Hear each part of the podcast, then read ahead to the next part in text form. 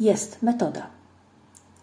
W ubiegłym tygodniu zapowiedziałam kontynuację tematu podmiotowości człowieka, ale nie sposób pominąć ostatnich wydarzeń wokół sprawy księdza Dymera. Skandaliczną przewlekłość kościelnego postępowania opisał już na łamach więzi redaktor Nosowski. Można do tych tekstów sięgnąć. Nie będę zatem streszczać całości.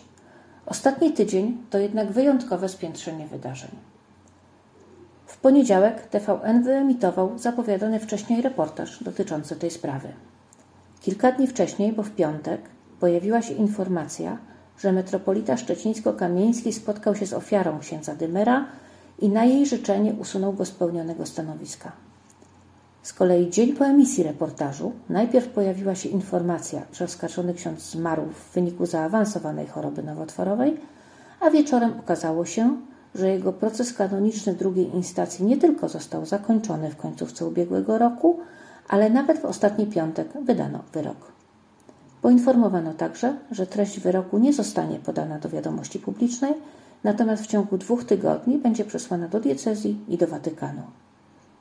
Dla pełni obrazu trzeba dodać, w tej sprawie oskarżono o zaniedbania dwóch biskupów, obecnego metropolitę szczecińsko-kamieńskiego arcybiskupa Dzięgę i emerytowanego metropolitę gdańskiego arcybiskupa Głudzia. Nazwa co dalej zobowiązuje. Trzeba zatem spróbować wyciągnąć wnioski. Po pierwsze, gdy redaktor Nosowski zaczął pytać, proces nagle nabrał rozpędu i został błyskawicznie doprowadzony do końca. Najwyraźniej nie ma innej metody na opieszałość kościelnych instytucji niż zaangażowanie mediów. Jeśli pasterze Kościoła w Polsce takie śledcze zadanie przed mediami stawiają, nie ma innego wyjścia niż je podjąć. Po drugie, jest sposób na zwiększenie zainteresowania pasterzy losem ofiar. Arcybiskup Dzięga, pasterzujący swojej diecezji od kwietnia 2009 roku, wobec którego wysunięto oskarżenia o zaniedbania, zdecydował się w tym tygodniu spotkać z ofiarą. Jest metoda? Jest. Prawdę mówiąc, dziwi tylko, że udało się znaleźć człowieka, który zgodził się spotkać. Punkt trzeci trzeba zacząć od gratulacji.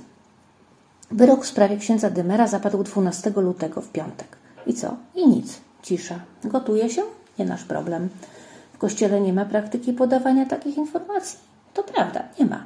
Ale nie ma też przeszkód, skoro po śmierci oskarżonego księdza można było takiej informacji udzielić. Jeśli jeszcze przekaz można streścić słowami osądziliśmy, ale nie powiemy jak, to zdecydowanie decydentom trzeba pogratulować. W konkurencji na bezczelność i lub bezmyślność nie mają sobie równych. I przyznam, że tu na razie nie widzę metody. Może ktoś ze słuchaczy ją znajdzie? Krótkie postscriptum.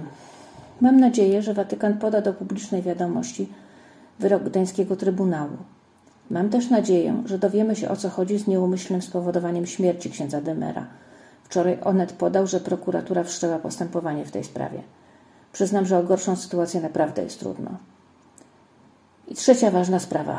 Cieszę się, że ksiądz Demer zmarł opatrzony sakramentami. Do tematu podmiotowości wrócę w kolejną sobotę. Zapraszam.